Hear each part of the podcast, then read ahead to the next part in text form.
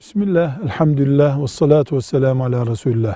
Müslüman bir insan Allah'ın hakkından sonra en ağır bir şekilde anne ve babasının hakkıyla muhatap olur. Yani kıyamet günü en zor sorulardan biri evladın anneye ve babaya karşı saygısıyla ilgili sorular olacaktır. Allah tarafından sorulduğunda.